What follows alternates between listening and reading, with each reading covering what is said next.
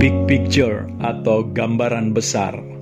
Paulus menulis dalam 2 Timotius 4 ayat 6 sampai 8. Mengenai diriku, darahku sudah mulai dicurahkan sebagai persembahan dan saat kematianku sudah dekat. Aku telah mengakhiri pertandingan yang baik. Aku telah mencapai garis akhir dan aku telah memelihara iman.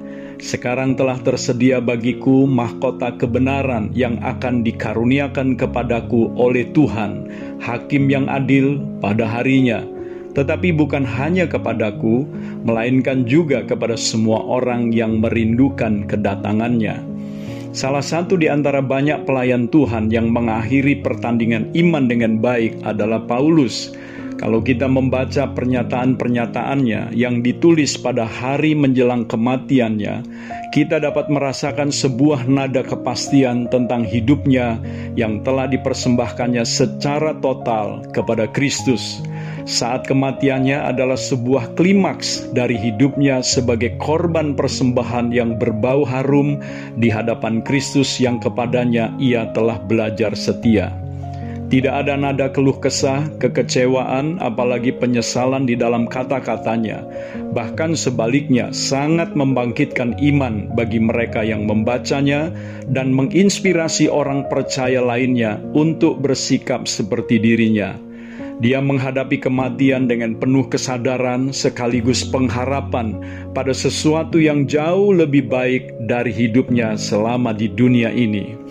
Ia mengatakan bahwa ia telah mengakhiri pertandingan yang baik, yaitu pertandingan iman, sampai di garis akhir, dan ia telah memelihara iman sampai kematian yang dialaminya. Paulus menjadi salah satu dari sekian banyak pelayan Tuhan yang mengakhiri pertandingan iman dengan baik, karena ia memiliki sebuah gambaran besar mengenai hidupnya yang dimaksud dengan gambaran besar di sini adalah mengenai akan menjadi seperti apa hidupnya kelak. Gambaran besar mengenai akan menjadi seperti apa hidupnya kelak.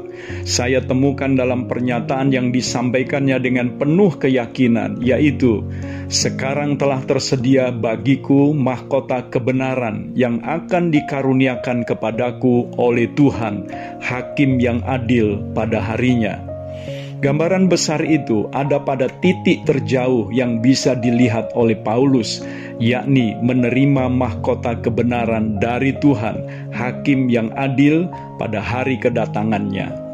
Merenungkan pernyataan Paulus ini, saya menjadi sadar dengan pernyataan Paulus sebelumnya bahwa bagi dia kematian adalah sebuah keuntungan sebab kematian bukan akhir dari keberadaan hidupnya, melainkan menjadi awal dari sebuah kehidupan yang dimuliakan dan menerima upah dari Tuhan yang sudah dilayaninya dengan segenap hati, yakni menerima mahkota kebenaran.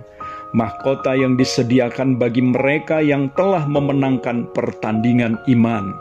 Saya juga menjadi sadar dengan pernyataannya di dalam 1 Korintus 15 ayat 58 karena itu, saudara-saudaraku yang kekasih, berdirilah teguh, jangan goyah, dan giatlah selalu dalam pekerjaan Tuhan, sebab kamu tahu bahwa dalam persekutuan dengan Tuhan, jeripayahmu tidak sia-sia.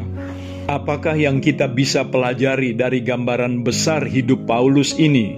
Yang pertama, akan menjadi seperti apa kelak hidup kita. Jangan diukur dengan pencapaian kita di dalam dunia ini, tetapi pada apa yang akan kita terima pada hari kedatangan Tuhan nanti.